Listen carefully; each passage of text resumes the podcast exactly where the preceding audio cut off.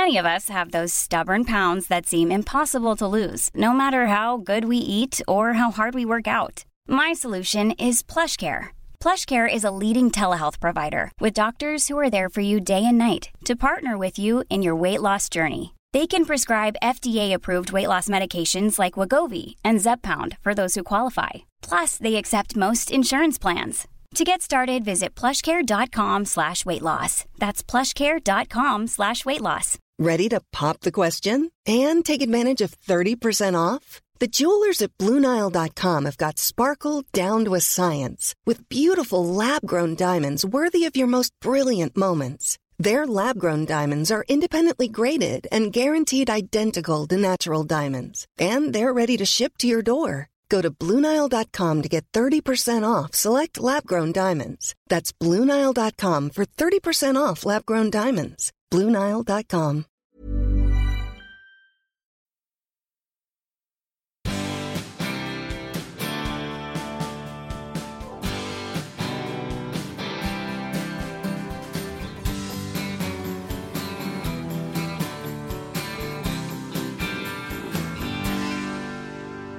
känslorna som jag hade inom mig. Jag har alltid, eh, jag kommer från en familj där vi är liksom åtta barn och endast en morsa så att när man har haft en morsa som har kämpat sig igenom livet med så många barn och ändå liksom kunnat komma ur det där och presentera någonting bra. Då finns det inte, alltså att ge upp, det går inte. Jag tror väl det jobbigaste för henne var att eh, att vissa dagar kanske inte har kunnat eh, ställa mat på bordet.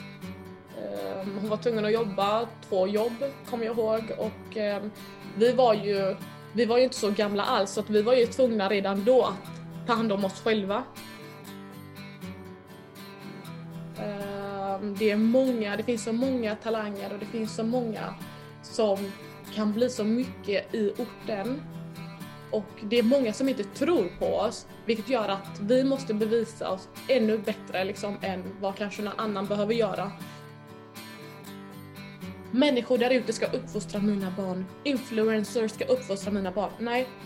Barnen kommer hemifrån och där ska de ha en uppfostran för att veta vad de ska säga och göra när de går ut från dörren. När jag skulle göra research på Kadisagnia så sökte jag som vanligt efter podcasts där min kommande gäst deltagit tidigare. Förutom en podd för friidrottsnördar så hittade jag bara en uppsjö av korta sportreportage med de vanliga frågorna typ hur det kändes och om hon skulle hoppa sju meter snart. För Kadi Sagnia är så oerhört mycket mer än friidrott. Hon är en av de klokaste idrottarna jag någonsin har träffat. Och den roligaste också för den delen.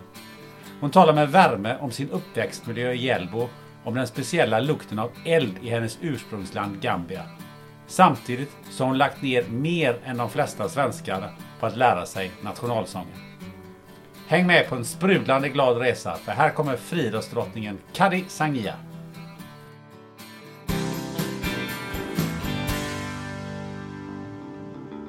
Vad gör du i stående längd?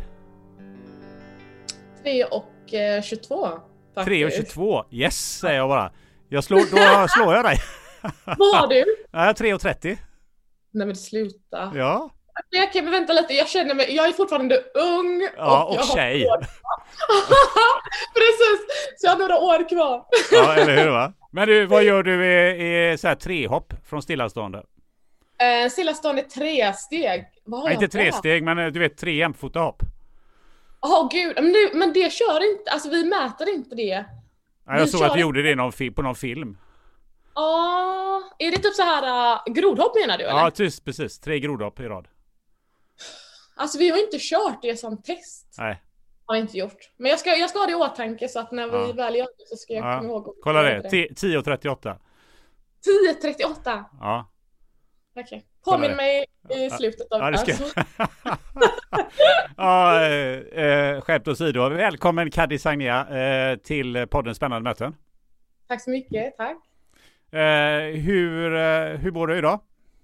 Jo, men jag mår väldigt bra. Har haft ett väldigt bra pass idag och eh, jag mår allmänt bra. Mm. Saker och ting går i min väg, vilket är skönt och eh, ja, livet leker. Ja, vad, vad underbart. Vad är ett, ja. vad är ett bra pass? Ett bra pass är ett pass där jag, alltså känsla är väldigt det betyder väldigt mycket för mig under träningspasset. Um, tekniska detaljer, det är oftast det jag tänker på. Speciellt när det går ihop med att min tränare liksom ser de här tekniska detaljerna och att jag gör dem rätt och att hon, vet, bara gör liksom någon klapp eller någonting. Då vet jag att det är ett bra pass. Alltså då vet jag liksom, okej okay, vi går framåt. Ja. Så det är mycket feedback vi har emellan oss och um, känsla, känsla, känsla. Mm. Härligt. Du, mm. Eh, vi sitter ju eh, på länk och eh, jag sitter i en studio hos mina kompisar på en reklam och eventbyrå som heter Fredag. orsaken till det är ju, vi är ju i samma stad men, men vi har ju ett litet virus som florerar och du kände liksom att för att inte störa din fortsatta uppladdning så ska vi ta det på distans. Precis, coronan, coronan, coronan, den ja. ställer till för många. Ja. Har, du, har du känt något av någonting eh, själv eller eh, du har hållit dig helt borta? Ja, men jag har faktiskt eh, klarat mig rätt så bra. Ehm, det gäller ändå att hålla sitt ansvar, ta sitt ansvar och hålla avstånd. Och när jag är ute i stan då har jag på mig mask. Ehm, och sen så gäller det att tvätta händerna, sprita och allt det där. Det är ändå en bra grej som har kommit ur coronan, att man håller sig väldigt ren. Och jag tror också att det är någonting som kommer att följa med oss efter coronan. Så det är bra. Mm. Hur har det, men hur har tävlingarna utformats? Eh, ingen publik och, och sådär. Har ni, har ni tävlat fullt ändå? Jo men så har det varit. Alltså nu har jag ändå varit med och tävlat nu under coronan och det var ju under um, sommarsäsongen 2020 och i början av året så var det verkligen att okej, okay, vi visste ju inte hur läget skulle bli. Vi visste väl att coronan började bli mer allvarlig, men vi visste ju inte heller hur tävlingarna skulle om det skulle bli någonting eller ej. Um, och då fick vi väl besked om att det var många tävlingar som um, ställdes in och för första gången i mitt liv som friidrottare så kände jag väl, men varför ska jag behöva träna nu liksom? Om inte vi har någonting att se fram emot. Uh, men um, det tog ett tag innan jag kände väl att, ja men okej, okay, vi kör på in case det kommer upp tävlingar. Vilket det också gjorde, så det var ju ett väldigt bra sätt att hålla sig igång och eh, köra på även fast det var väldigt osäkert om det skulle bli tävlingar eller ej. Men det blev tävlingar och eh, många av tävlingarna arrangerades utan publik, vilket var väldigt konstigt för att under de 11 åren jag har tränat och tävlat så har vi ju alltid haft publik. Vi har alltid haft folk där som liksom ja, liksom peppar och det är alltid en stämning men nu helt plötsligt så var det ju, det var ju dött. Så att, men det fick också oss um, som hoppade och tävlade att um, peppa varandra istället och verkligen lägga mycket mer tid på att försöka och um, få till en god känsla och en god stämning på plats. Så så har det väl varit, man får hjälpas åt istället. Det måste ju ha ekat rätt bra för ni är ju rätt så bra på annars på att gapa och klappa igång publiken. vi var ju tvungna att bli ännu bättre på det så att ja. Så Vilka var det som klappade vaktmästaren och... Eh, så var det typ såhär, alltså arrangörerna och så vidare fick klappa och krattarna fick klappa så att alla fick verkligen göra sitt yttersta för att det skulle bli en bra stämning. Så det var ju väldigt bra. Du, eh, men det blev inget OS i eh, sommar eh, heller. Hur, hur kändes det? Var du väldigt besviken? Alltså faktiskt inte. Jag, ehm, jag var rätt lugn när det kom till sommaren med tanke på att jag hade varit skadad, jag hade precis kommit tillbaka från en korsbandsskada så att mitt... Eh, ehm, det enda jag tänkte på var väl att ta det lugnt, eh, försöka få en hel säsong. En bra säsong som jag även liksom kan få nytta av till nästkommande säsong, vilket är detta året, där vi kommer att ha OS. Så för mig var det väldigt viktigt att ha en stabil säsong där jag hade bra hopp, liksom en bra längd genom alla tävlingar, vilket jag också fick med mig och eh, det är också en bra träning att ha med sig. Um, samt så var det ju det var ju bra att inte OS blev av med tanke på att det är ju inte rättvist för många andra som inte har kunnat träna på. Um, jag tror att inför nu 2021 så har ju många haft lite bättre chans till att träna och förbereda sig inför OS 1, vilket gör att det blir ett mer rättvist OS. Men eh, de, eh, den platsen du hade där eller behöver du kvala in eller eh, har du kvar din plats där? Nej, jag behöver fortfarande kvala in. Det är ju det tråkiga för att saken är den att eh, SOK då, Svenska Olympiska Kommittén och även eh, världs, eh, ja, Världskommittén, de har satt att man får börja kvala in ifrån december. Men det funkar ju inte här i Sverige för vi kan ju inte träna utomhus i december, vilket gjorde att men, det blir lite svårare för oss. Men det blir också lite enklare för andra som befinner sig i varmare länder och som tränar utomlands, eh, utomhus i december, som exempel eh, Nya Zeeland, Jamaica och alla de här varmare länderna.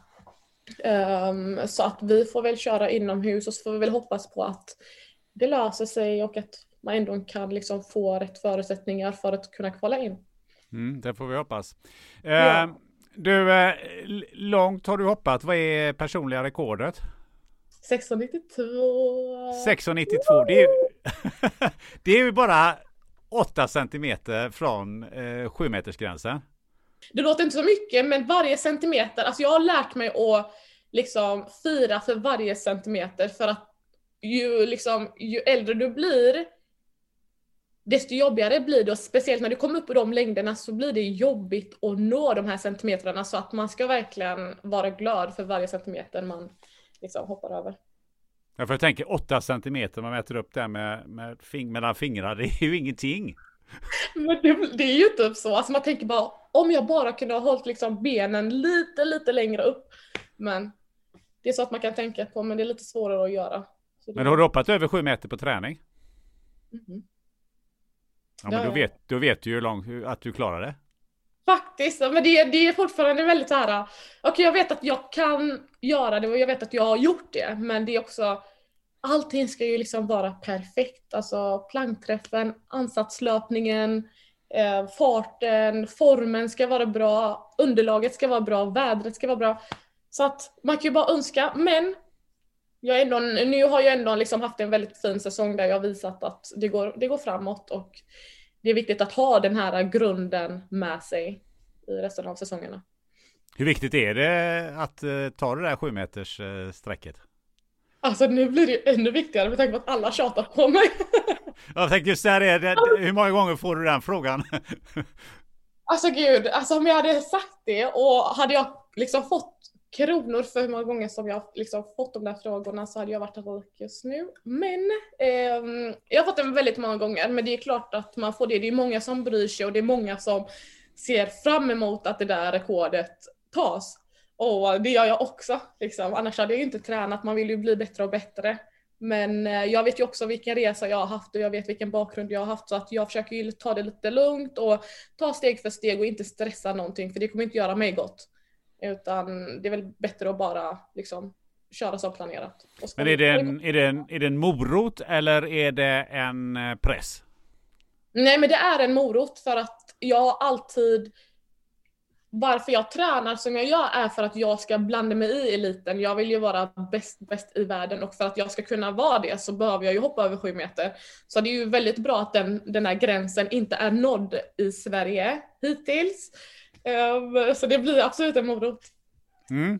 För eh, eh svenska rekordet är ju 6,99. Eh, mm. hur, hur, hur mycket tror du Erika Johansson grämer sig över att hon inte kom över sju meter? Alltså, alltså gud, ja, jo, men jag tror att hon tänker på det absolut och önskar att hon gjorde det. Det är ju någonting som alla längdhoppare önskar oavsett vilket land du befinner dig i. Men um, jag hoppas, hoppas, håller tummar och tår du kan inte se mina tår just nu men jag håller dem. Hoppas att man kommer över den linjen. men hur skulle det kännas eh, om du inte skulle klara det i din eh, karriär? Skulle det vara någonting som du skulle gå och fundera på sen resten av livet? Jo men det är klart att det hade varit det för att det är ett stort mål för mig att liksom komma över den linjen. Um, hade inte det blivit av, ja vad händer då då? Alltså, då får jag väl liksom ha mina andra fina, fina accomplishments som, ja, som jag får tänka på och liksom vara glad över. Sen så får jag väl hoppas på att jag slår andra mål i livet på andra sätt. Ja, det är ju så. Det är inte, allting handlar ju inte bara om sju meter här i livet. Precis, även fast det kanske känns som det. Ja. Du, eh, om du inte hade hoppat längdhopp, vad, vad hade du gjort då i sporthänseende? Jag hade nog spelat fotboll. Mm. Mm. Spelat fotboll som topp. Det har jag gjort. Ja. Mm. Var, varför det? För att det, alltså du liksom... Den här uppmärksamheten. Och jag ska inte säga att jag, jag älskar.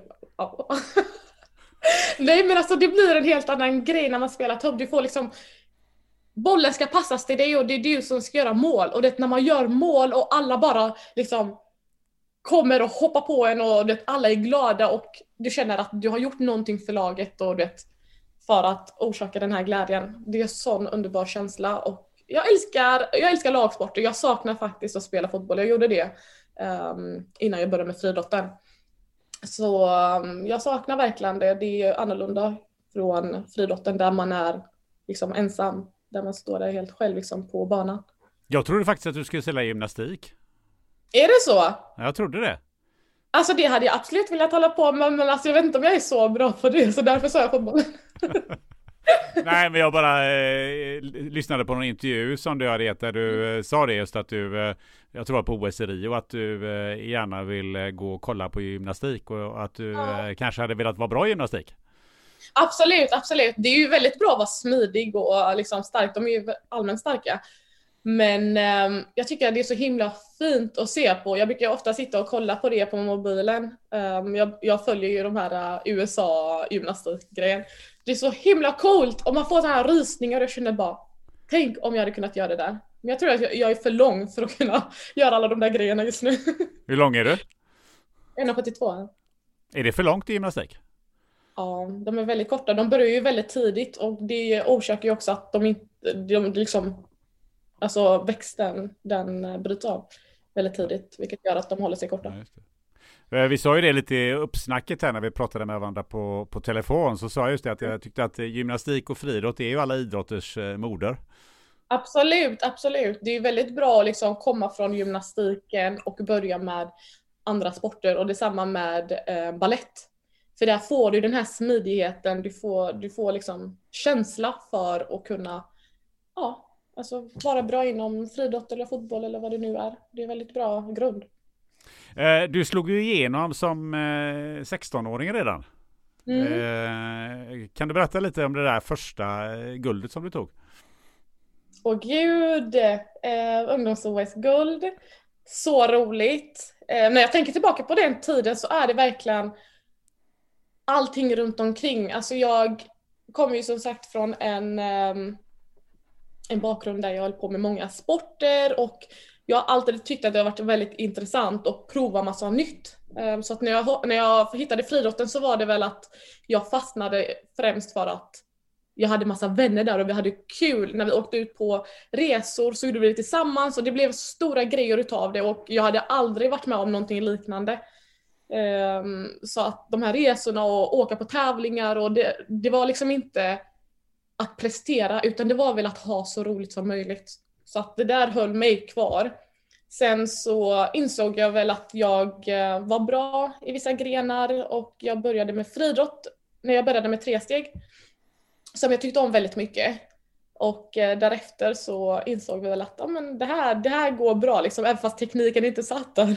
Jag hoppade som en eh, kratta liksom men resultaten kom.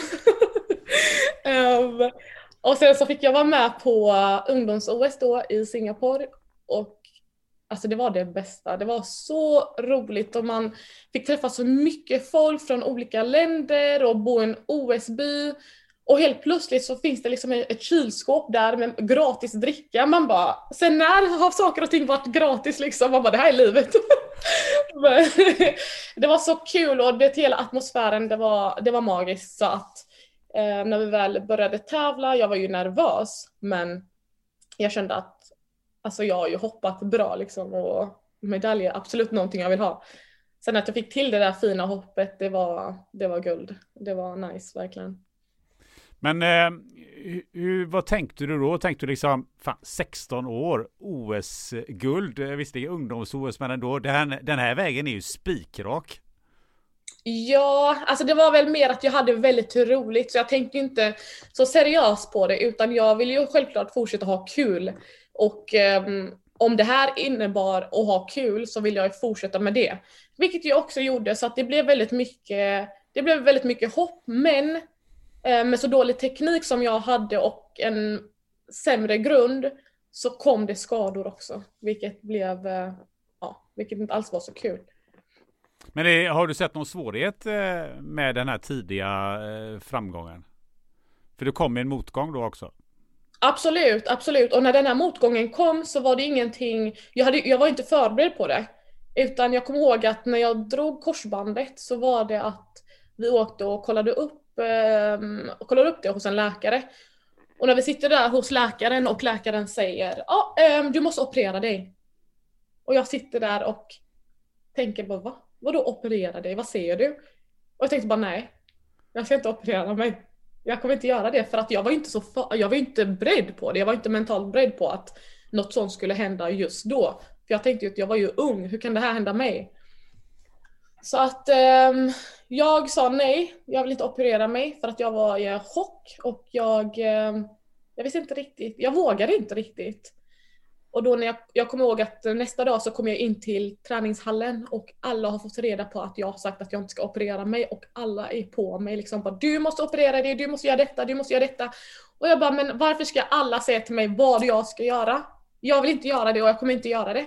Så att jag väntade ett helt år. Visst, min rehabtid hade kunnat minskas liksom med ett år men det var väl det jag bestämde mig för att göra just då. Och det året um, körde jag bara rehab, jag kunde springa och så vidare. Knät var ändå väldigt stabilt. Jag kunde springa på och köra liksom vanlig träning förutom att hoppa. Men jag körde väldigt mycket rehab för att verkligen se till så att när jag kom tillbaka och opererade mig så skulle knät vara stabilt nog väldigt fort liksom, efter operationen. Alltså du bestämde dig för att operera efter ett år först då? Efter ett år ja. Mm. Mm. Men eh, hur klarar man eh, en sån motgång? För menar, hur orkar man träna ett helt år med i princip mm. bara rehab? jag tror att de här uh, känslorna som jag hade inom mig, jag har alltid, uh, jag kommer från en familj där vi är liksom åtta barn och endast en morsa så att när man har haft en morsa som har kämpat sig igenom livet med så många barn och ändå liksom kunnat komma ur det där och presentera någonting bra då finns det inte, alltså att ge upp, det går inte. Speciellt om det är någonting du älskar och det, var, det, friidrott är någonting jag älskar och jag brann för det. Det gäller att man brinner för det man gör för att inte kunna ge upp. Och eh, jag såg verkligen Alltså det positiva med att komma tillbaka och det så här att längta. Åh, jag vill så gärna stå där igen för att jag var inte klar. Jag visste verkligen det. Jag kände att jag har så mycket mer att komma med och ge. Så att för mig, det går inte att ge upp. Jag måste väl bara kämpa mig igenom det här. Och visst, det var tråkigt för att jag kommer ihåg att jag satt i tv-rummet med min mamma och um, vi skulle ha åkt på um, EM i Barcelona. Och du vet alla mina kompisar åkte dit och du vet, man såg liksom på Facebook på den tiden och man skrev ju med dem och du vet, alla såg verkligen fram emot det. Vilket jag också gjorde men vad ska jag göra? Jag var ju tvungen att sitta hemma och liksom kolla på dem och tävla. Och det var, det var en jobbig sommar faktiskt. Det var en väldigt, väldigt jobbig sommar. Men det min mamma sa till mig då var att alla, allting har sin tid. Det här var inte din tid att åka dit och tävla, men din tid kommer. Och det där, även fast det kanske inte låter så himla stort, men det där var väldigt stort för mig just då. Och det fick mig också att inse att okej, okay, vet vad? Allting har sin tid och det det jag kan göra just nu är att köra min rehab och göra det jag kan göra för att komma tillbaka så fort som möjligt så jag också kan få liksom få den här glädjen av att tävla igen.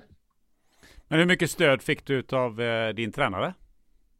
Åh, jag fick väldigt mycket stöd. Det var ju i början av vår eh, samarbete också faktiskt. Ja, Berätta om det. Katrin hon, alltså hon är så rolig.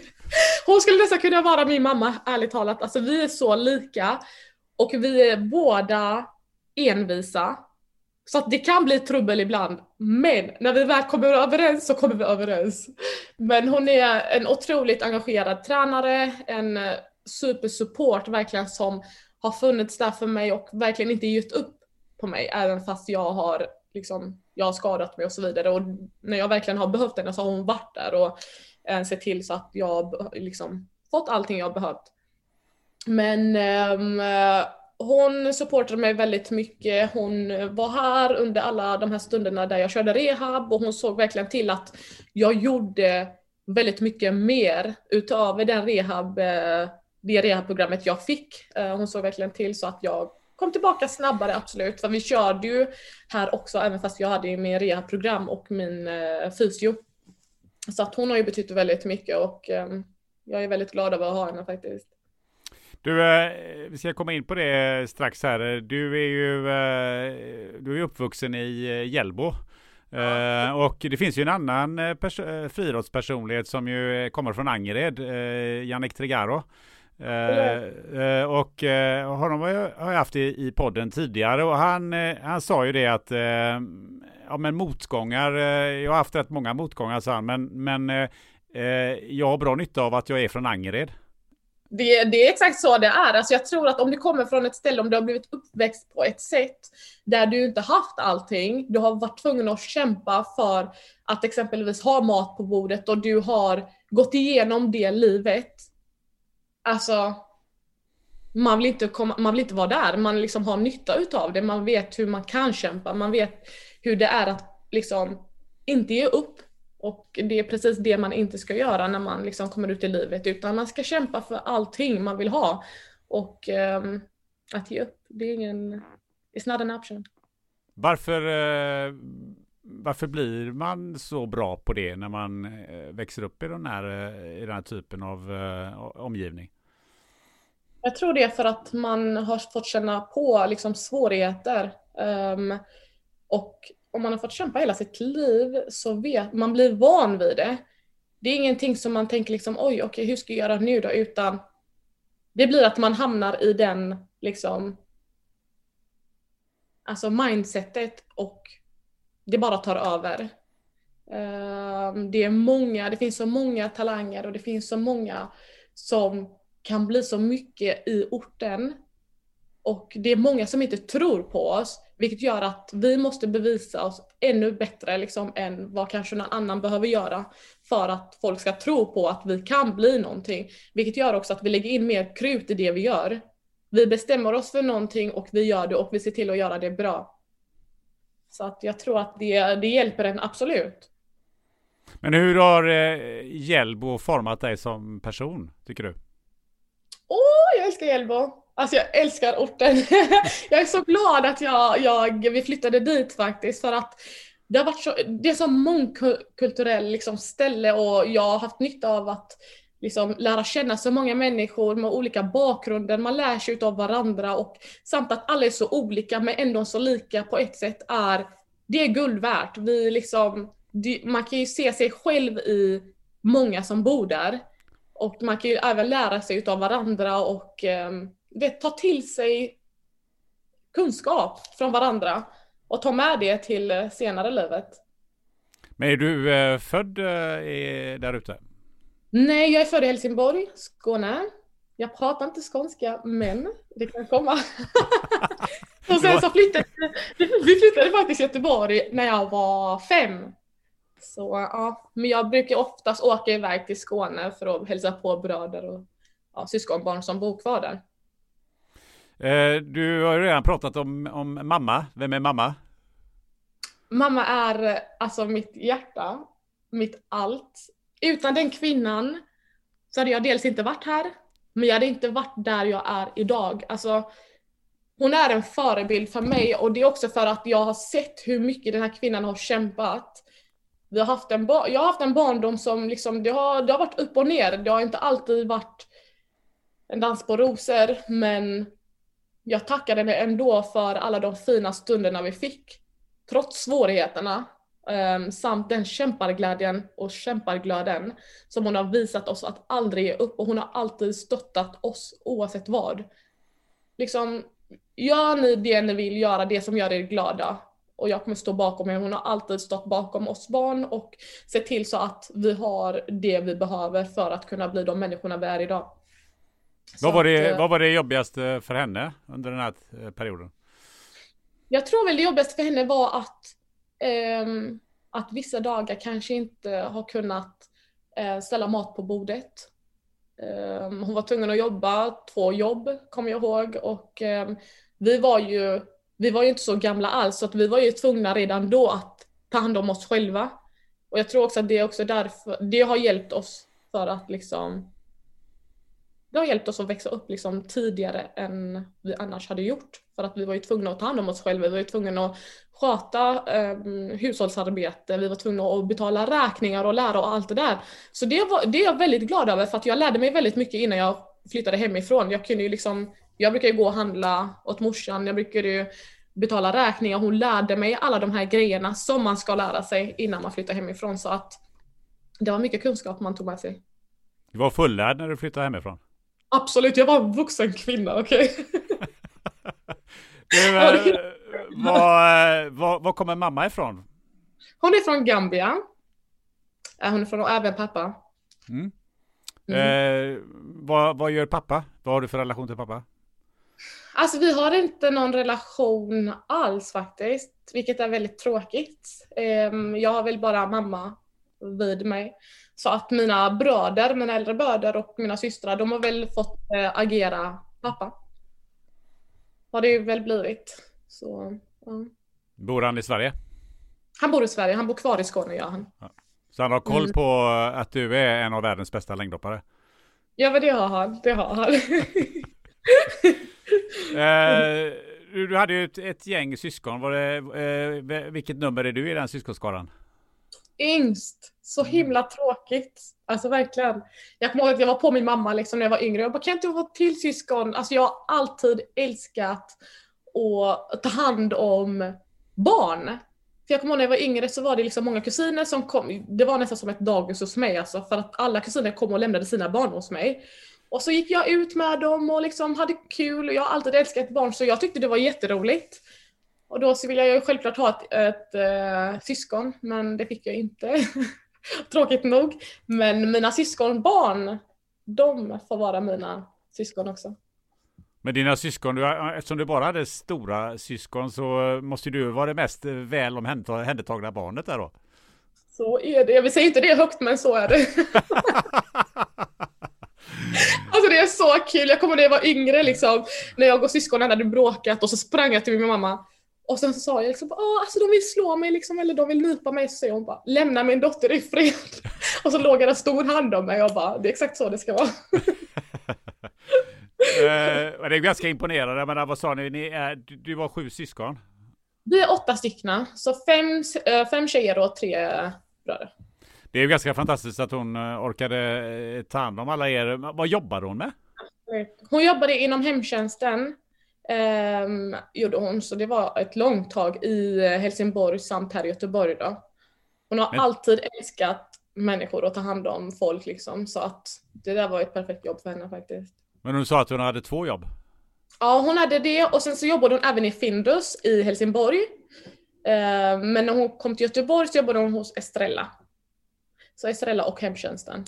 Hur, hur, klarar man av att jobba två jobb på, på en dag? Jag tycker att det är nog med ett jobb. Jo men så är det ju, självklart. Men jag tror att när du har dina måsten och du har dina du har liksom responsibilities som du måste ta hand om så tror jag att det där blir, alltså det måste gå runt. Och så var det väl för henne och samt att hon hade bra kollegor och hon hade kul på jobbet också. Visst det är krävande men jag tror att när man får de här delarna också som bra kollegor och bra arbetstider och liksom en bra chefer och en bra chefsledning så blir det liksom lite lättare. Eh, men hur gick det i skolan då? Eh, kunde du ta hand om allt själv där? För det är ju många som får eh, service hemma och curling och så vidare och se till att barnen läser läxor och så vidare. Det, hur, gick det till hemma hos dig? Jo men så var det faktiskt. Alltså som tur var så kom ju de här syskonen till eh, bra hjälp då. Men eh, hade jag svårt i skolan så hade jag ju mina syskon som, som hjälp då. Så att de hjälpte mig väldigt mycket. Men jag var inte så förtjust i skolan. Alltså jag var verkligen inte det. Jag önskar faktiskt att jag, var, jag vore det mer än vad jag, eh, vad jag var. Men nu, har det blivit, nu är det annorlunda. Men då så var jag inte alls så himla förtjust i att gå till skolan. Utan nej, jag tyckte inte det var så kul. Var, var, fanns det någonting som var kul i skolan? Idrott. Det var det roligaste, men allt annat det var inte så roligt. Förutom att vara där med vänner. Eh, du eh, verkar ju otroligt eh, positiv om man ja. följer dig och ser intervjuer och så vidare. bara så här långt i den här intervjun. Men, men är, är, du alltid så där glad och positiv?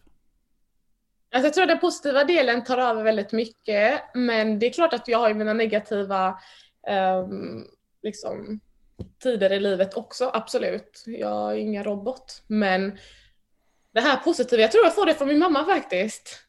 Um, och ändå kunna se, se det ljusa i livet och jag tror att jag Alltså jag, jag värdesätter väl de här roliga stunderna och det, och det är väl det som lyser upp i mig och jag tycker att mycket är roligt och mycket är kul och så vidare och jag försöker liksom bara push forward. Uh, vi nämnde Gambia. Var, var, ligger Gambia ens? Västafrika. Västafrika? Har du varit mm. där? Ja, flera gånger. Hur, uh, hur upplever du att komma dit? Så roligt! Det är underbart att komma dit liksom. Det blir ett helt annat språk, en helt annan kultur, maten är helt annorlunda och så har vi solen och eh, själva landet, alltså när man, det, det luktar typ eld. Alltså vi... Jag kan säga att det luktar eld, alltså det är skitkonstigt men ibland när man känner den här lukten liksom och jag bara Oh my god, jag är i Gambia just nu. Alltså det är en underbar lukt.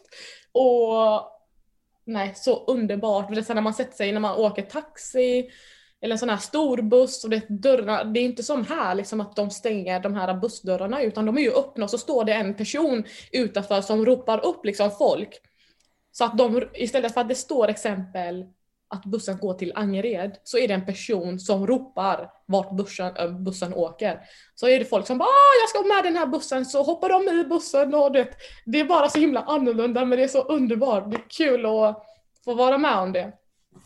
Vet de, eh, känner de till dina eh, friidrottskvaliteter även i Gambia?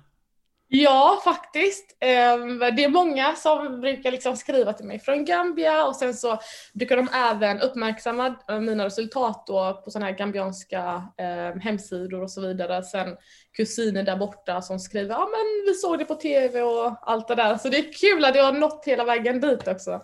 Men att tävla för Gambia var aldrig aktuellt? Nej, Sverige är ju mitt land. Jag är född här och jag älskar Sverige och älskar Gambia men jag känner mer att jag det Sverige jag vill tävla för och jag känner väl mer att det här är mitt land just nu. Men, men hur känns det att komma till eh, Gambia förutom att eh, det som du berättar här? För att eh, jag har hört en del som säger att eh, Mm, när man just är i den typen av situation som du är, att, att eh, man, inte, man är inte hemma riktigt någonstans. Man är inte hemma när man kommer till, till, eh, till det landet som man egentligen har sitt ursprung i, men man kanske inte heller känner sig riktigt hemma i, i, i det landet där man bor eller där man är, är född och uppvuxen. Precis, jo men absolut kan man ju känna av det ibland. Jag tänkte faktiskt på det för någon månad sedan, liksom att vet, jag har ju sett vissa kommentarer när de har exempel lagt upp mina resultat på gambianska hemsidor. Och där är det många som kommenterar, ja men hon är ju svensk och hon tävlar för Sverige och eh, här när jag bor här så finns det självklart folk som bara, ja men du är ju inte helt svensk och man bara, jag är född här så att jag är lika mycket svensk som du är. Oavsett hudfärg. Så det är ju liksom, det dras ju självklart men jag känner att jag har fått liksom båda delarna och jag är väldigt stolt över det. Jag har två kulturer, jag har två språk och det, jag känner mig rik på grund av det. Um, samt när jag åker till Gambia så kan jag ju språket, jag, jag kan ju kommunicera med folket, jag känner mig hemma där och du vet, när man beblandar sig med sina kusiner och när man åker och träffar släkt och så vidare, att man känner sig inkluderad och det är tack vare att jag kan språket och att jag förstår vad folk säger och kan interact på det sättet. Och samma här i Sverige. Jag eh, känner inte mig mindre svensk på grund av att jag är mörkhyad och att jag har föräldrar från ett afrikanskt land. Eh, vad, vad, heter språket i, i Gambia? Mandinka. Mandinka? Okej, okay. ja. ja. Spännande. eh, men du, eh, hur viktigt var det för dig att, att kunna svenska nationalsången? Det var så viktigt. Alltså, jag ska berätta en sak. Grejen är så här att jag kunde inte den förrän jag var inför ungdoms-OS. så hade vi en sån här, äh, det var en pre-tävling och där var det ju två svenskar med och så två, ja, två från varje land då. Och um, den, bästa, den bästa svensken skulle då få platsen till ungdoms-OS. Och um, då vann jag ju den tävlingen, det var i Moskva. Så det var en sån här olympisk kval då. Så då vann jag den och när jag väl stod där uppe och svenska nationalsången spelades upp så kunde inte jag den. Och jag tänkte bara, men herregud, det här är skämmigt, alltså det här är inte okej. Okay. Men efter det så kommer jag ihåg att jag, ehm, jag spelade in den. Jag spelade in den och så hade jag den på min, eh, jag hade en liten sån här eh, iPod eller vad det nu var. Och så lyssnade jag på den varje dag i skolan och utanför skolan och det så här, lärde mig den. Och när jag väl kom till ungdoms-OS så sa jag, nu har jag inte lagt ner den tiden för att kunna lära mig svenska nationalsången för att ställa mig på andra eller tredje plats. Nu ska jag komma etta så att de kan spela den och jag kan sjunga med. alltså det här, no waste. och det var det jag fick göra, tack gode gud. Så det var jag väldigt glad över. Men var det mm. viktigare för dig på något sätt att kunna eh, svenska nationalsången än, eh, än kanske eh, de som ser in, infödd svenska ut som, som eh, där man inte, eh, man ska säga som inte är mörkhyade? Ja, men för mig tyckte jag det var väldigt viktigt. Inte, inte så att jag tänkte att ah, men jag är mörkhyad och jag, jag måste liksom lära mig, även fast inte många andra som är infödda svenskar kan det. Men det var min plikt att kunna den med tanke på att jag tävlar för mitt land. Och då måste jag ju kunna nationalsången, alltså det är no doubt. Så att det var en läxa för mig som jag fick göra och eh, I did it. Mycket bra. Jag, jag, kan bara relatera till det själv, för jag är faktiskt också eh, född av eh, utländska föräldrar. Men det syns ju inte så noga, men mina föräldrar är från Tyskland. Ja, jag tänkte eh, fråga det faktiskt, för jag läste på ditt efternamn, så tänkte ja. jag fråga. Mm. Uh, nej men just det här att jag kan relatera till, åtminstone som, som barn och, och tonåring, att jag var nästan, för mig var det viktigt varje dag att, att vara svensk. Mm. Uh, för på något sätt att det var viktigare för mig att vara svensk än vad det kanske var för mina kamrater. Jag förstår det. Jag förstår det. För du vill ju självklart liksom att det kännas exakt likadant som, alltså du vill ju ha den känslan. Och det, och det blev lite, men... det, det, blev lite en mix nästan för mig. För det var nästan att jag kände liksom att, ja men, jag, är, jag har liksom ingenting med Tyskland att göra, utan jag, liksom, jag, är, jag är svensk. Jag var nästan übersvensk på något sätt. Kan du, har, du, har du känt den eh, känslan också någon gång? Nej, faktiskt inte. Faktiskt inte, utan um, jag har väl känt av att jag, alltså, jag har ju varit väldigt glad över att jag, att jag är gambian också och jag försöker ju liksom visa det och det, jag, jag är stolt över det. Så att um, det är inget negativt om någon frågar, ah, men vart kommer du ifrån? Alltså jag är väldigt glad över att säga, ah, att jag är från Gambia. Sen så förstår jag liksom att det, när man är exempel, när man har vänner och så vidare som är alla svenskar och det, man vill ju verkligen också vara jättesvensk, man vill ju vara som dem.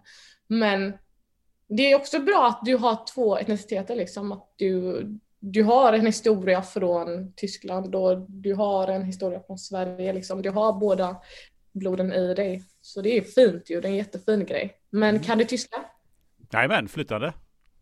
Bra! Ja. Oh jag är så glad över det. det är jättebra för att det är många föräldrar också som exempel um, kommer, kommer till ett nytt land och istället för att liksom hålla kvar vid de här sederna och hålla kvar vid kulturen de har med sig hemifrån så släpper de allt det där och liksom inte lär barnen någonting om det de har där hemma. Vilket också gör att många barn känner sig vilsna. De vet ju liksom inte vart de kommer ifrån. De vet ju inte vad liksom, alltså vad det är för kulturer de har. Jag tror att det där är en viktig grej att man tar med sig när man skaffar barn liksom, och när man har olika kulturer med sig. Man ska inte skämmas för det man har fått utan det där kommer bara göra barnet liksom rikare i livet tror jag. Alltså det kommer ge väldigt mycket. Eh, mina föräldrar kunde ju inte svenska när jag föddes så det blev ju naturligt att, eh, att det blev tyska. Sen fick jag lära mig svenska i skolan sen eller när man var ute och lekte med de andra kompisarna det var ju positivt på ett sätt ändå, att de inte kunde svenska där liksom. Ja. Du, äh, det här med ekonomi har vi varit inne på. Äh, hur mycket affärskvinna är du? Alltså, ge mig, mina ge mig dina pengar ska jag räkna. Nej. nej men gud, nej, men jag älskar business, jag älskar ekonomi. Um, jag kommer ihåg när jag var yngre så brukade jag, vi hade en liten kiosk bakom oss. Ehm, så brukar jag gå dit och köpa lite godis och så klippte jag dem i bitar och ställde upp ett bord hemma i tv-rummet satte jag lite prislappar och så liksom hade jag en godis som var kanske så här lång. Så klippte jag den i fyra bitar och så sålde jag den för det priset som jag köpte den ena för. Och så tvingade jag familjen att komma och köpa. Så på så sätt så inledde jag då min eh, business ehm, som då ska evolve in till vuxna livet. Men jag älskar det, jag tycker det är svinroligt.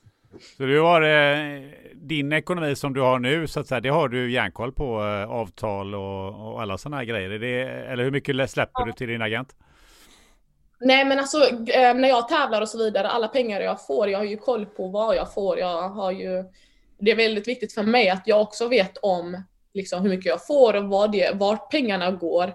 Sen så har jag en revisor som också fixar och liksom med allting med moms och skatter och så vidare. Men det är ju väldigt bra grej för mig att veta. Um, man lär sig väldigt mycket av att fråga och vara med under vissa möten. Och ehm, det, det, får ju mig bara att känna liksom att jag, ehm, jag blir bättre som människa och det är någonting som intresserar mig också för att senare i livet så vill jag ju liksom kunna sköta allt det där själv. Så att det är ju perfekt att kunna hålla koll lite och fråga lite och det ta in lite information. Men jag tänker på det, det du berättade med att eh, det inte alltid fanns mat på bordet och sådär. Men hur, hur viktigt eh, är det att ha pengar på kontot nu? Det är väldigt viktigt. Alltså det är väldigt, väldigt viktigt för mig för att jag vet ju som sagt vad det är för slags barndom jag har haft och även fast det har varit liksom fint med många minnen och så vidare och det, jag, min mamma har gjort det bästa hon har kunnat göra. Men jag vet också vad det är jag vill ge till mina barn så att det är också ett det är också därför jag kämpar så som jag gör nu. För att jag vill kunna se att den framtiden jag försöker skapa senare kommer vara en bra framtid för mina barn och för mig själv och min man då. Um, så det gäller ändå att tänka på det redan nu och tänka på ekonomin och inte bara liksom göra sig av med alla pengar utan man vet aldrig hur det blir men det gäller ändå att ha liksom ett sparkapital så att man kan klara sig så att man kanske investerar i fonder eller aktier och ta hjälp av folk som kan. Det är det viktigaste just nu, för det går att tjäna pengar. Det går att tjäna pengar på det lilla du har. Det kommer kunna växa. Men eh, hur är det? En del blir ju mer slösaktiga eh, när de väl får pengar eh, på kontot för att man har haft det jobbigt när man är yngre år. Och andra blir mm. väldigt mer sparsamma. Hur, hur skulle du ja. beskriva det själv? Jag, om man jämför exempelvis mig och min syster Binta, hon, eh, jag, jag vet att hon är, hon är inte sådär lika, jag, jag ska inte säga att jag är slösaktig, men jag är också den personen som försöker, eh, jag unnar mig. Jag unnar mig för att jag vet att livet är kort och alltså vi kan ju dö när som jag kan dö här och nu, men jag vill ändå kunna veta att jag har liksom kunnat unna mig, jag har mått bra. Det gäller ändå att må bra och inte liksom bara jobba, jobba, jobba utan att unna sig. Alltså du måste ju kunna vara glad över sättet du har fått dina pengar, men ändå tänka på ekonomin. För får jag in pengar, då ligger jag undan um, och sparar en del, en del i fonder och så vidare och sen så kan jag absolut köpa någonting litet, men jag har ändå en koll på vad jag gör. Men min syster, jag vet att exempelvis om hon har tänkt att köpa någonting så kan vi komma till den punkten där hon säger att ah, men jag ska köpa den där. Och sen säger jag bara, ja ah, men gör det. Och hon bara, äh, nej, jag ska no nej, jag ska nog spara pengar, jag behöver inte det där. Och jag bara, unna dig, du behöver det. Visst, du har ju tänkt på det i typ 53 år liksom. alltså, så att um, hon är lite mer sparaktig än vad jag är där. Men um, jag, um, man ska göra det man mår bra, bra av utav också. Och det är att lägga pengar på bra mat, god mat, aktiviteter som man gillar att göra, men ändå tänka på att ha en sparkapital. Låter ju eh, otroligt eh, vuxet och rimligt också. Tycker jag. Tycker jag. du, om, vi, om, vi, växlar ämne lite kort. Eh, det, har, det här har inte så mycket med ekonomi att göra, men jag har ju mm. sett i en del uttalanden som du har gjort att religionen betyder en hel del för dig. Mm, absolut, det gör det. Jag är ju muslim och eh, född som muslim. Ja. Um, och det, det, betyder väldigt mycket för mig. Jag, är inte, jag ska inte säga att jag är 100% religiös, för det är jag ju inte, men jag eh, använder min religion till att göra mig till en bättre person. Um, exempelvis, jag vet liksom om det är så att man kommer på så dåliga tankar och man kanske vill göra någonting dåligt så tänker jag ju en extra gång för att Gud ser ju mig och jag vill liksom inte dö här och träffa Gud och sen så bara, varför gjorde du det där? Och jag bara, ah, det kändes bra. Nej, så att jag tänker ju liksom en extra gång samt att jag har Gud som hjälpreda i mitt liv för att hålla mig i schack och eh, att be och eh, bara liksom ha den här tiden för, för Gud och sitta och liksom bara prata med någon högre makt, det är otroligt fint för mig och det ger mig ett sånt lugn. Och det gör liksom också att har jag haft liksom så här hektiska dagar eller har jag mått dåligt så kan jag vända mig till Gud. Mår jag bra och allting går bra så vänder jag mig fortfarande till Gud och jag känner att han finns där. Och han svarar liksom på mina, på mina böner. Det är lite, man ska kunna jämföra lite med, med andra som mediterar. Absolut, absolut. Vi alla gör ju det på olika sätt och liksom man ska göra det som känns bäst för en själv och det är väl det jag gör. Så att um, jag känner att det där är en viktig del i mitt liv som jag kan använda mig av och kunna liksom känna ro hos. Och det är att be, det är att liksom meditera och bara släppa allt annat och vara just där och då. Um, det ger mig otroligt mycket glädje faktiskt. Men har religion aldrig varit ett eh, tvång för dig eller känts som att nu måste jag göra det här? Nej, aldrig. Vi, vi är ju, alltså jag är ju inväxt i familj, en familj som har, är muslimer liksom. Men min mamma och pappa de har aldrig tvingat på oss någonting liksom med att oh, men nu måste ni göra det här eller vet. Islam handlar om att du, liksom, du kan inte tvinga någon till att bli muslim. Den måste hitta sin egna väg i det. Och ehm, um, det, jag har ju känt att det har varit en fördel för mig att kunna ha min religion bakom mig för att det har hjälpt mig till att liksom vara en bättre person. Man tänker så mycket på andra också. Det här med att exempelvis um, ge almosa, typ såhär, ge pengar till de fattiga, tänka på dem. Det, det, man får en helt annan syn i livet. Och det är jag väldigt, väldigt glad över. Att det, man sätter sig ner på någon Även om det är liksom, om du har ett kompisgäng som pratar illa om någon handikapp, eh, handikappad eller någon som har något problem. Alltså det är väldigt bra du säger till för att ingen vet vad som kan hända. Du själv skulle kunna bli handikappad imorgon. Så man ska absolut inte se ner på någon och man ska liksom behandla alla så som man själv är behandlad och det gäller att man får växa upp i en sån miljö hemma där man får lära sig de här grejerna för att det är viktigt att man att alla människor känner sig lika mycket värda. Eh, islam uh, har ju förknippats ju för, mång, uh, för många tror jag här i västvärlden och, och, och mm. inte minst i Sverige att man klär sig på ett visst sätt och det finns ju en mm. massa attribut kring det men, men det känns inte som att den biten är inte viktig för dig. Nej, nej, det har inte varit viktigt för mig att till exempel bära sjal. Um, utan jag känner att jag kan vara en lika bra person som jag är nu och som, om det är så att jag skulle vilja bära sjal, jag skulle kunna vara likadan. Så jag, det har aldrig varit en, en tvångsgrej hemma heller där att min mamma har liksom tvingat oss att bära någonting som inte vi har liksom velat bära. Utan vi har varit väldigt, vi har levt väldigt fritt men vi vet också vad som är rätt och fel och vi vet också um, hur vi ska ta till liksom, religionen för att det ska kunna hjälpa oss i vårat liv och vet, för att bemöta andra människor runt omkring en och liksom för att allmänt må bra. För det känns ju inte så om man tittar på ditt Instagram så är det ju eh, snarare tvärtom. Alltså det är, det är, det är som inte otroligt mycket kläder på utan det är, det är träningskläder och det är, det är bikini och, och, och med den typen av eh, kläder. Så det är ju lite så här.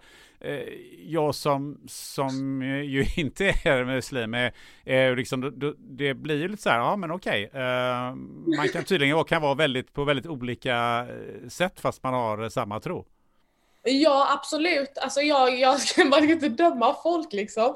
Jag älskar att ha på mig bikini, jag älskar att liksom befinna mig på stranden och vet bara vara mig själv och mig själv är jag är självsäker i en bikini så jag älskar att ha på mig det. Jag tänker liksom inte titta på stranden med jeans och en hoodie liksom. Men jag tycker det är asnice. Alltså sen så förstår jag, det är många som blir liksom ja ah, men muslimer är inte så, men la la la la. Det får de väl säga liksom, men de vet ju inte den relationen jag har med Gud. Alltså om jag är bekväm med det så är jag ju bekväm med det och det får, så får det vara. Ingen annan kan döma mig förutom Gud och det, det är så det är. Så att um, alla får leva sitt liv på sitt sätt. Men eh, du har inte fått en massa propåer från, från eh, eh människor som, som är eh, muslimer att så där eh, klär man sig inte och så där gör man inte och, och det är fult och dåligt? Nej, faktiskt inte. Faktiskt inte vad jag kan tänka på. Faktiskt inte, men absolut finns det ju folk som vet, så här, tänker det och självklart har ju den respekten exempelvis om jag går in till en moské eller så vidare, då tänker man ju på klädseln och det så här, täcka sig och så vidare för respektens skull. Um, um, men sen så känner jag liksom att annars är jag ju som jag är, jag gillar, jag har alltid älskat att vara sådär lite naken och så.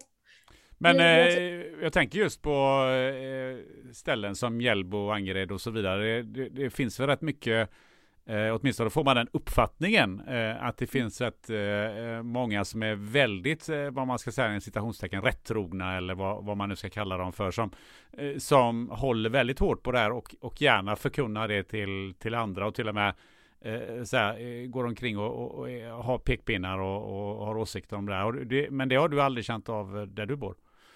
Alltså jo, absolut. I Hjällbo har man ju, man ju levt i det.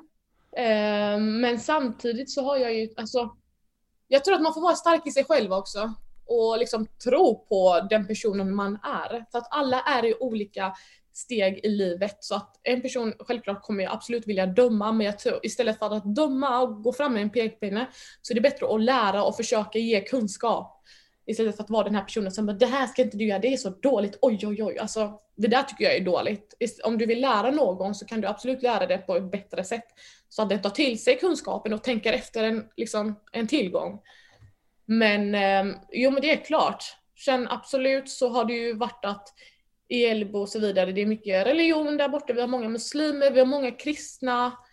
Men eh, jag har faktiskt inte tänkt på det på det sättet förrän nu, för att vi alla har kom, kommit överens. Alltså det har aldrig varit ett problem för oss. Vi har liksom kristna som muslimer och vet, svarta som vita. Det har aldrig varit ett sånt här problem, eh, liksom samhällsproblem så som det är när man läser tidningar och så vidare. Utan vi har ju liksom kunnat um, köra på med, med vårt och älska varandra och ha så kul med varandra. Så att eh, de problemen som finns i vissa länder där det är mellan liksom kristna och muslimer, alltså jag förstår inte det. För det ska inte behöva liksom vara så mycket drama och det ska inte vara så mycket krig på grund av liksom ens religion och det är bara så ledsamt när man ser liksom hur bra överens vi andra kan komma. Men att det inte funkar i det andra länder. Sen så är det mycket politik inblandat. Det är mycket annat som inte vi vet om, så att det får man också ta hänsyn till. Men eh, jag tycker ju att det, det, du berättar nu är ju inte riktigt den bilden som ges i media. Nej. Nej. Vad har du att säga om det? Hej, jag Ryan Reynolds. På Mint Mobile, we like to do the opposite of what Big Wireless does. They charge you a lot. we charge you a little. So naturally, when they announced they'd be raising their prices due to inflation, we decided to deflate our prices due to not hating you. That's right. We're cutting the price of Mint Unlimited from $30 a month to just $15 a month. Give it a try at mintmobile.com slash switch. $45 upfront for three months plus taxes and fees. Promote for new customers for limited time. Unlimited more than 40 gigabytes per month. Slows. Full terms at mintmobile.com. Ever catch yourself eating the same flavorless dinner three days in a row? Dreaming of something better? Well, HelloFresh is your guilt-free dream come true, baby. It's me, Gigi Palmer. Let's wake up those taste buds with hot, juicy pecan-crusted chicken or garlic butter shrimp scampi. Mm. Hello Fresh. Stop dreaming of all the delicious possibilities and dig in at HelloFresh.com. Let's get this dinner party started. There's never been a faster or easier way to start your weight loss journey than with PlushCare PlushCare accepts most insurance plans and gives you online access to board-certified physicians who can prescribe FDA-approved weight loss medications like Wigovi and Zepbound for those who qualify. Take charge of your health and speak with a board-certified physician about a weight loss plan that's right for you. Get started today at plushcare.com slash weight loss. That's plushcare.com slash weight loss. plushcare.com slash weight loss.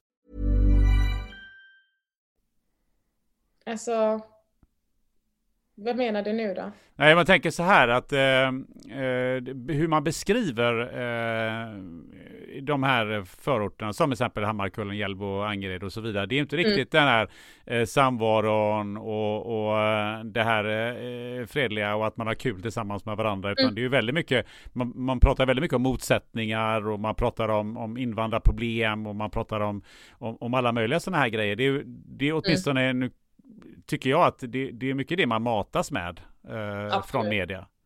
Mm. Eh. Absolut, så är det och jag vet också att nu när jag flyttade därifrån för några år sedan så var det liksom att jag fick kommentarer från vissa. Åh, äntligen har du flyttat därifrån! Och jag tänkte bara vadå äntligen? Åh men fy vad härligt att du bor liksom i ett säkert ställe nu och jag bara men Alltså Hjällbo var ett ställe där jag kunde gå igenom centrum mitt i natten och aldrig känna mig rädd.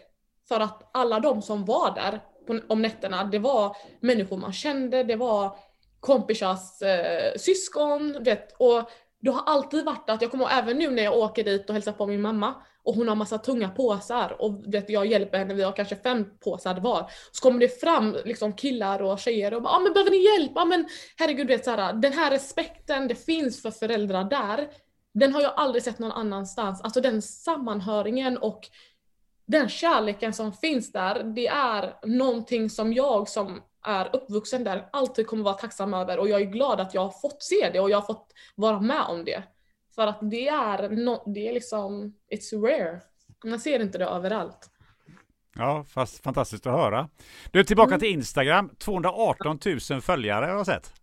Du, du, du, Hur sjutton får man 218 000 följare? Alltså man deliver content, man, man ger följarna någonting de gillar att se och någonting som gör att de vill komma tillbaka till. Men jag tycker det är kul, man ska vara sig själv och bjuda på sig själv om man, om man gillar att göra det. Um, följaren kommer för att de självklart ser någonting de gillar och uh, får dem att stanna kvar.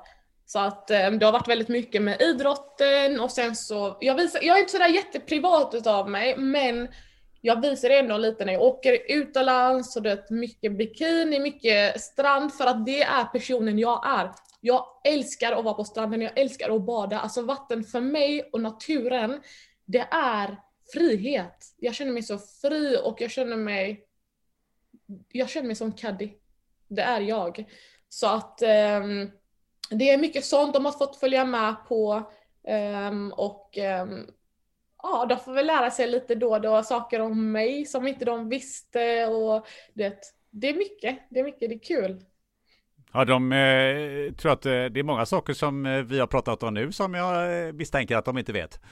Precis, det är väldigt mycket för att det är svinskoj. Ja. Varje gång man får reda på någonting nytt om en person så är det ju bara, det är bara jätteroligt.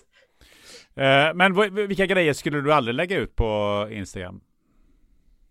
Nej, men alltså, jag har inte bara varit den här typen som exempel lägger så här, um, förhållanden och så vidare. Um, sen så är det det har varit väldigt mycket utlägg när det kommer till, som sagt, när jag reser iväg och min idrott, eh, vissa gånger ibland med typ så kompisar, men det har väl varit mer fokus på det andra. Sen om jag känner för det, absolut, då kan jag lägga ut det, men jag tror att jag det har bara varit så mycket annat liksom som har lagts ut. Men vilken betydelse tror du att du, eh, du har för dina följare? Oh, alltså när man läser många kommentarer, jag blir så glad och en sak som många frågar mig är hur orkar du svara på dina kommentarer ibland? Alltså för mig, det handlar inte bara om att oh, men jag får kommentarer, utan de människorna, de gör också min Instagram. För utan dem, vem ska jag lägga ut bilderna till? Och alla videos och all content, liksom, det finns inte. Så att vi, vi alla gör ju varandra en tjänst. Och jag får så himla mycket glädje när jag läser många kommentarer och det är många som vet här, säger att jag är en inspirationskälla för dem och att jag har hjälpt dem på vissa sätt. Och det är jättefint, det gör mig så himla glad och det ger också mig väldigt mycket krut till att lägga ner väldigt mycket tid och arbete på det för att jag, det, det är någonting jag tycker är svinroligt och kan jag hjälpa någon på något sätt så vill jag bara göra det ännu mer. Så det är svinskoj, det är en jättebra plattform. Jag blir lite nyfiken på, liksom, du lägger ner mycket arbete på det. Vad, vad, är, vad är det för typ av arbete eh, som du behöver göra? Alltså det är väldigt mycket exempelvis det, när det kommer till bilder, alltså det handlar om att köpa bra equipments, kameror, um, allting för att din content ska vara så top notch som, som möjligt. Um, och det är liksom mycket planering kring det. Um, ja, alltså allting du skriver på Instagram under bilderna och allting. Det är mycket, alltså man ska ju tänka kring det också. Så, mm. Men det är bra ut kamerautrustning kan ju alla skaffa, men det är ju någon som ska eh, göra bild, ta bilderna. Precis, så därför måste man ha en sån här audition liksom. Och ställa upp massa människor och bara be dem att ta bilder så får man se vad det är för liksom, vad de kan göra.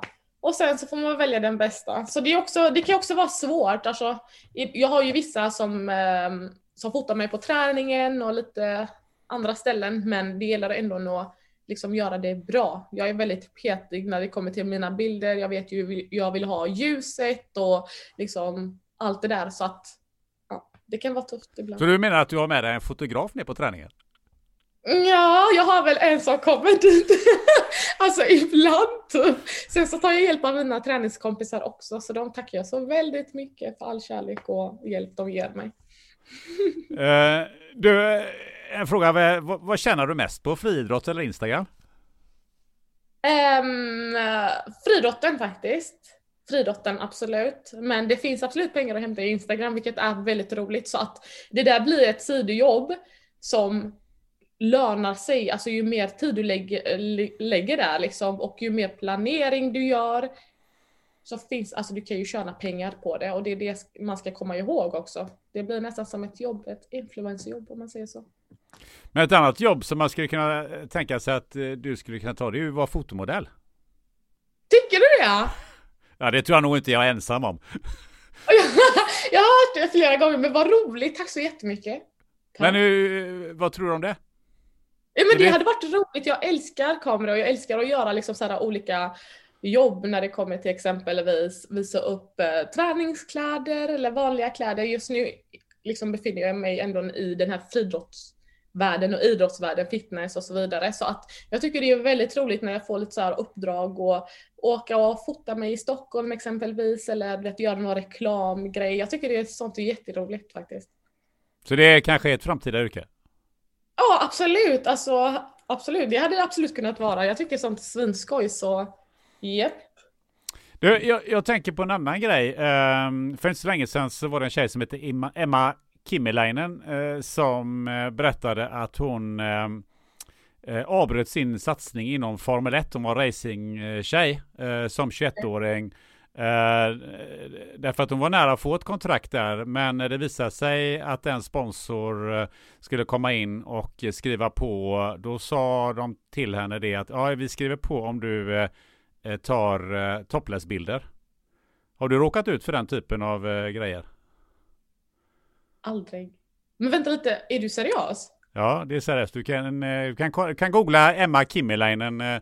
Eh, eh som 21-åring så var hon nära att bli antagen i ett Formel 1-stall. Vänta lite, så de säger liksom att för att vi ska kunna liksom ha det här kontraktet så behöver du gå med på att ta topless-bilder? Det var en sponsor som sa det. Det, var, det sa de inte inledningsvis, men eh, det, det var så det kom ut. Och det, det var då hon eh, sa aldrig livet och eh, la ner eh, racingen under fyra år. Fy vad synd. Alltså det är en kränkning. Alltså, så, nej, det där, det där är inte okej. Okay. Alltså tänk, jag tror inte de liksom säger det till en kille när de skriver ett kontrakt. Det är inte okej okay alls. Men har du sett sådana tendenser eller, eller uh, hört sådana grejer? Nej, Nej, det har jag faktiskt inte. Men alltså, då hade det blivit eh, hus i helvete alltså. Det är inte okej. Okay. Hur hus i helvete hade det blivit då? Väldigt jävla mycket hus i helvete. det hade brunnit överallt. Men det, det, där är ju extremt, men, eh, men jag tänker på eh, just det du sa om, om de bilder och så vidare som, som du mm. lägger ut och sådär eh, och, och det vi har pratat om. Hur, hur är den typen av kommentarer, alltså nedsättande kommentarer av olika slag? Får du sånt? Alltså grejen är så här, saken är den att det ska ju inte ens behöva spela någon roll hur jag eller någon annan tjej klär sig. om det är så att jag väljer att klä mig sexigt så ska jag ju inte få sådana här äckliga sexu liksom sexualiserade kommentarer på grund av min klädsel. Men det får man ju, det får man. Alltså det är, det är så himla ledsamt och att det ska behöva liksom gå så långt. Man bara, alltså jag fattar inte varför det ska liksom gå över till den, till den eh, punkten att man inte pallar liksom. Vad gör du med de kommentarerna? Nej men man får ta bort. Man får liksom radera. Ibland orkar man inte. Det blir så mycket så att man bara, jag blir så trött ärligt talat. Uh, för jag tänker uh, dels det, men jag tänker också just uh, det vi också varit inne på, på den rasistiska sidan. Får du mycket av den typen av kommentarer? Faktiskt inte. Faktiskt inte. Det kan väl vara någon grej typ och mycket av det kan komma ifrån exempelvis om jag postar en bild med um, mina kompisar som är ljushyade Ehm, eller en kille som är ljushyad, då får jag kommentarer liksom att vad gör du med en sån vit kille? Det är så här massa rasistiska kommentarer som jag bara känner att det är inte tillåtet här under mina kommentarer. Alltså antingen så tar du din kommentar och sticker och skriver under din mammas bild. Eller så, är, så kan du stanna kvar här och jag kommer inte blocka dig men ha respekt för andra människor. Alltså jag tolererar absolut inte sånt.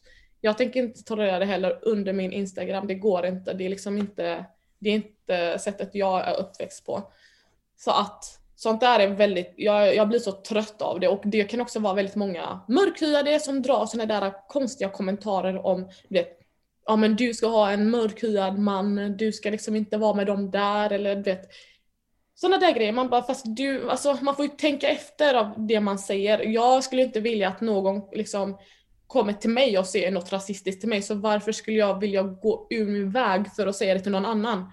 Det har jag aldrig förstått. Så att det blir väldigt många block på sådana människor och det blir väldigt många raderade kommentarer för att jag vill inte ha en sån jag vill inte ha den här dåliga viben på min Instagram utan det, man ska respektera varandra och varandras åsikter. Självklart, jag har en öppen Instagram vilket gör också att det är möjligt för folk att skriva sina åsikter men det finns en gräns på det. Så att man får ha lite kontroller. Men du orkar svara dem då alltså?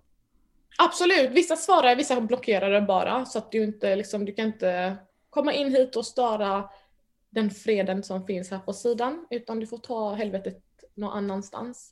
För sådana där grejer, det är att gå över gränsen. Jag, jag är inte alls okej okay med det. Men det är som lite intressant du säger, det är, det är ju någon sorts rasism även från, från, från andra än, vad, än, än just de, de, man ska säga, ursprungsvita i Sverige eller vad man ska kalla dem för. Precis. Precis, det där har jag upplevt väldigt mycket, speciellt på Instagram av folk som är den färgen jag är. Alltså jag, jag förstår inte det, liksom man har blivit förtryck, förtryckta i så många år och det man har man, man är medveten om hur mycket skada det har gjort. Men varför ska man vilja då liksom överföra det vidare? Varför ska man liksom ta vidare det? Varför? Det, jag förstår inte det. Så att där får man vara lite mer liksom där får man säga till. Och många tror ju att jag som person inte är inne på min sida. Många tror jag det kanske är någon jag har som skriver åt mig. Så när jag väl går in och skriver så blir de väldigt så här. Oh, oh my god I'm so sorry, I, I didn't mean to. Man bara fast har du skrivit någonting och sen tryckt på att posta det så har du ju menat det. Sen bara för att jag skriver och liksom svarar dig så får du stå för ditt kast. Så är det bara. Ja, det är fantastiskt det där. Man, man tror man är anonym fast man är offentlig. Men precis så är det och det är många som vågar mer bakom skärmarna än vad de hade gjort liksom in real life. Men det ska ju inte liksom få folk att tro att de kan göra vad som helst även fast de är anonyma. Men är, är, är det bara bakom skärmen som du upplever det här eller när du rör dig på stan eller sådär? På, vad, vad, vad upplever du då? Jag har haft turen att inte ha upplevt det där så mycket här i Sverige. Um, det har kanske varit någon kommentar där då liksom, men inte så mycket som exempelvis, jag kommer ihåg när jag var i Ryssland, då så var vi på väg hem till hotellet från arenan och när vi väl går då så kommer det en liten pojke som cyklar och han bara pekar på mig och säger nigger, nigger. Och du vet, jag, jag var ju typ 15, ja men det var 16, det var då innan ungdoms-OS. Jag blev bara chockad, jag bara kollade på honom samtidigt som han står och pekar på mig och säger nigger, nigger. Och det, mina kompisar, alla blev så chockade. Och jag visste inte vad jag skulle, alltså det, jag tänkte vad är det som pågår, va? Alltså hur kan man säga något sånt? Och det är också hur du är uppvuxen. Alltså jag tror att det är många föräldrars ansvar att ta ansvaret för sina barn och liksom uppfostra dem och inte tänka att ja men människor där ute ska uppfostra mina barn. Influencers ska uppfostra mina barn. Nej. Barnen kommer hemifrån och där ska de ha en uppfostran för att veta vad de ska säga och göra när de går ut från dörren. Alltså så är det bara, det är plain and simple. Så att det där är, det är väldigt jobbigt och det är kränkande. Och man känner sig så ensam, man känner sig så himla utstött. När man får liksom sådana kommentarer och det är inte alls kul. Hur så. politiskt medveten är du? Jag försöker inte blanda i mig så mycket liksom, i politik, men det är klart att man liksom håller koll och läser en del och det, håller sig uppdaterad. Vad röstar du på? Ska man säga det? Nej, det får man absolut välja själv om man säger. Det är, det är bara en fråga jag slänger ur mig. Man kan säga att man, det, det finns något som heter valhemlighet i Sverige. Okej. Okay. Jag är tyst om det då. Ja, det säger du vill. Men jag misstänker att du inte röstar på SD. Absolut inte. Jag ligger åt andra sidan. Vad, vad, tänker du om, eh, det, om SDs eh, framfart om vi nu ändå eh, tar upp dem lite kort här? Det är ändå 20 procent av svenskarna som skulle kunna tänkas rösta på dem. Absolut, och saken är den här att jag jag förstår ju självklart att det är många svenskar som blir upprörda när exempelvis det kommer in många invandrare och det um, för det första så måste vi ha koll på människorna som redan bor här och som betalar skatt och så vidare. Vi behöver ju liksom vet, få möjligheterna först innan många kommer in. För jag tror också att det är många som liksom pratar om att ah, men, invandrare som kommer in, de tar alla våra jobb och vet, de får alla chanser som vi får. Men saken är den också att gör du ditt jobb, alltså gör du det du ska göra bra så kommer du inte bli av med det. Till att börja med. Samt att varför ska, vi gå, varför ska det gå så långt så att liksom, människor ska vända sig emot varandra och det ska bli typ andra världskriget, tredje världskriget här? Jag förstår inte. Alltså, vi har ändå kunnat leva på bra tillsammans så att det blir bara så mycket hat, alltså det har bara väckt så mycket hat och jag tror också att det här beror väldigt mycket på vad som hände i USA. Det här med när Trump satt. Alltså det är mycket som har kommit upp och det känns som att det blir så divided. Alla liksom alla raser delas in i grupper och det är så ledsamt. Alltså man... Känner du av det, det här i Sverige tycker du? Ja, men jag, jag, jag känner väl att det är många som börjar visa mer utav sin riktiga sida och vågar liksom stå för de här, det, det de står för som inte alls är så himla okej. Okay. de här rasistiska sidorna och vet, allt det där. Men kan man tänka sig att eh, att det är de som är orsaken till eh, polariseringen eller är det så att faktiskt eh, någonstans människor där ute eh, både tycker och tänker eh, på ett eh, halvrasistiskt eller underförstått rasistiskt sätt? Liksom, vad, är, vad är hönan eller ägget där? Alltså jag undrar det också, ärligt talat. Jag, jag vet inte. Mm. Ja, det var någonting jag kom på bara. Ja, ja men det, var, det är bra, det är bra faktiskt. Jag vet inte. Jag tycker det är en intressant fråga. Eh, jag ställde mig den för, för eh, ett litet tag sedan. Jag just funderade på det. Eh, mm. Men när folk skriver massa skitkommentarer. Är det, är det för att de har Sverigedemokraterna som förebild eller är det för att de har de åsikterna och sen kan tänka sig att rösta på Sverigedemokraterna? Jo, men jag tror att de kanske redan har de här åsikterna samt också att världen ändrar på sig, alltså Sverige ändrar på sig. Nu liksom har det ju varit väldigt mycket så invandring och vet, det har ju varit svårt för Sverige att liksom kunna Ja, man ska alltså, jag tycker inte man ska stänga gränserna för det finns så mycket folk att hjälpa. Men samtidigt så måste man ju också ha koll på sitt land och sina människor och hjälpa de som redan finns här. Och jag tror också att det är det många blir ledsna över, över att de inte får den hjälpen. Men sen så ska det liksom släppas in massa andra människor men alltså vart ska hjälpen gå och kommer den hjälpen räcka till alla? Så att jag tror det är många som inte um, förstår sig på eh, liksom, politiken samt också att de inte får raka svar från vår statsminister och så vidare. Det är liksom bara väldigt klurigt och det SD gör är att de säger så, det de vill ha och de, de ger raka svar så att folk förstår. Det är liksom inget krångligt. Så att, och det är också att man måste tro på sina ledare. Och jag tror inte att det är många svenskar som gör det just nu. Du, om vi lägger politiken åt sidan och drömmer lite istället. Mm. Vad, är, vad, vad drömmer Kaddi om eh, att göra om eh, 10-15 år?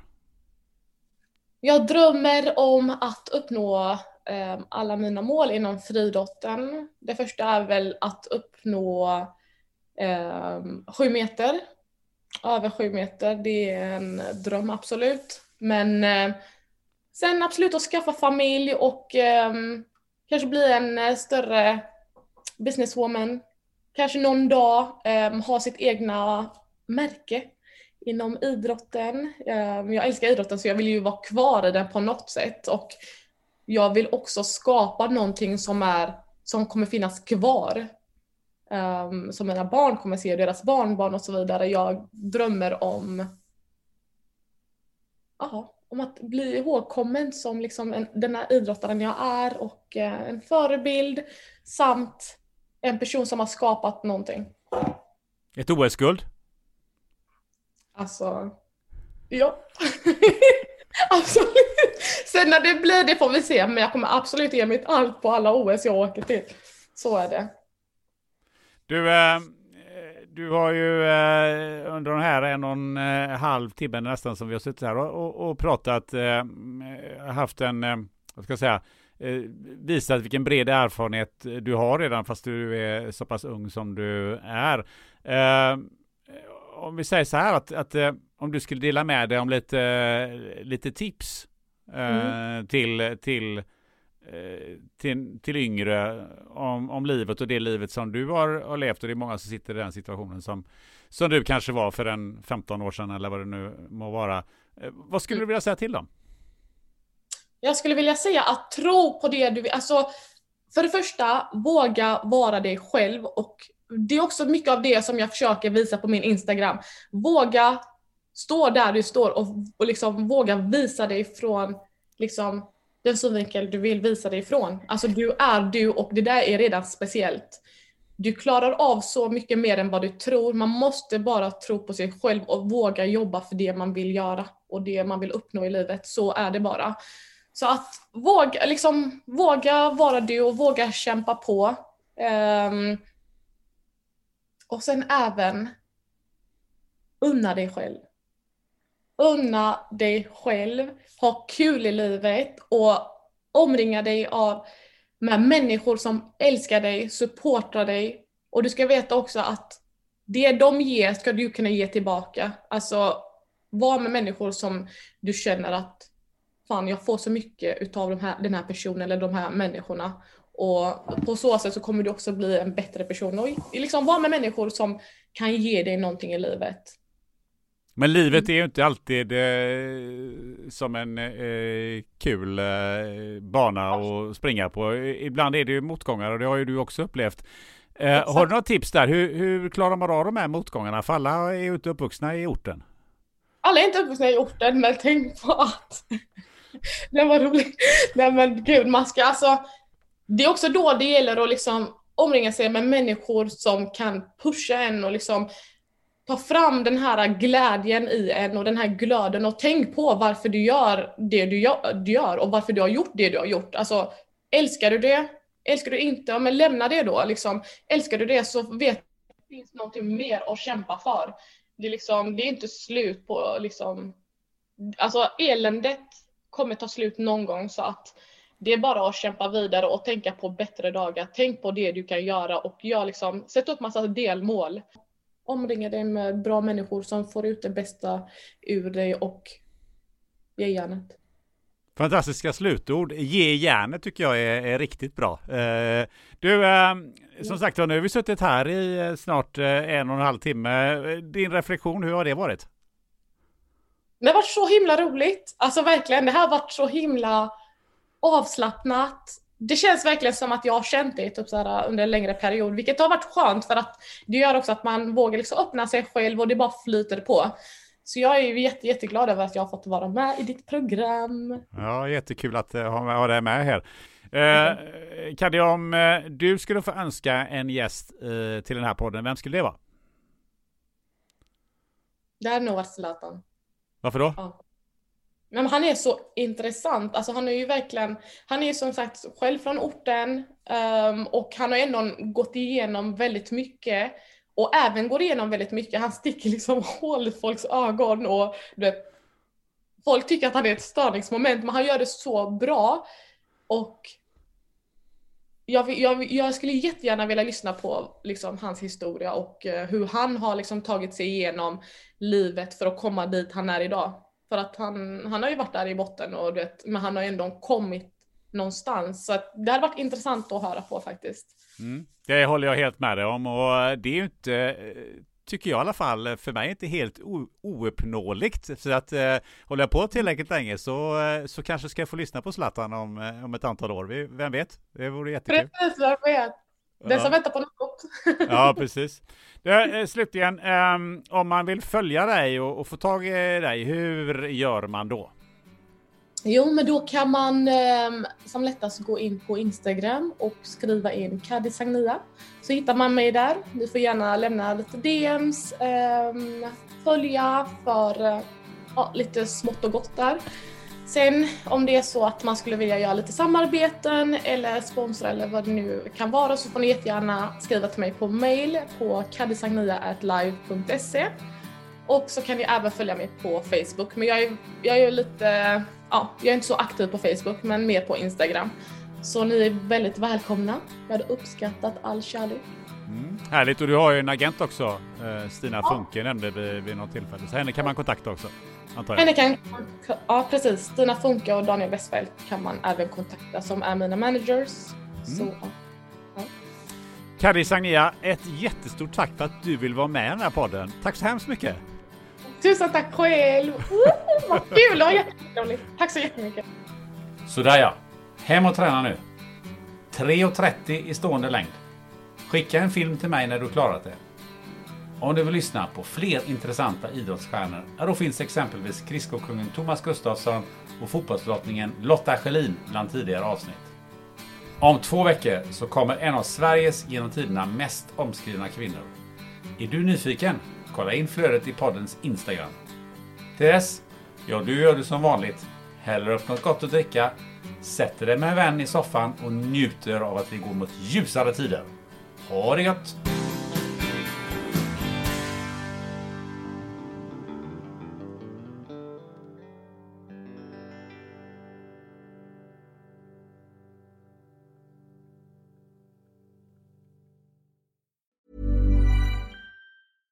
Ever catch yourself eating the same flavorless dinner three days in a row?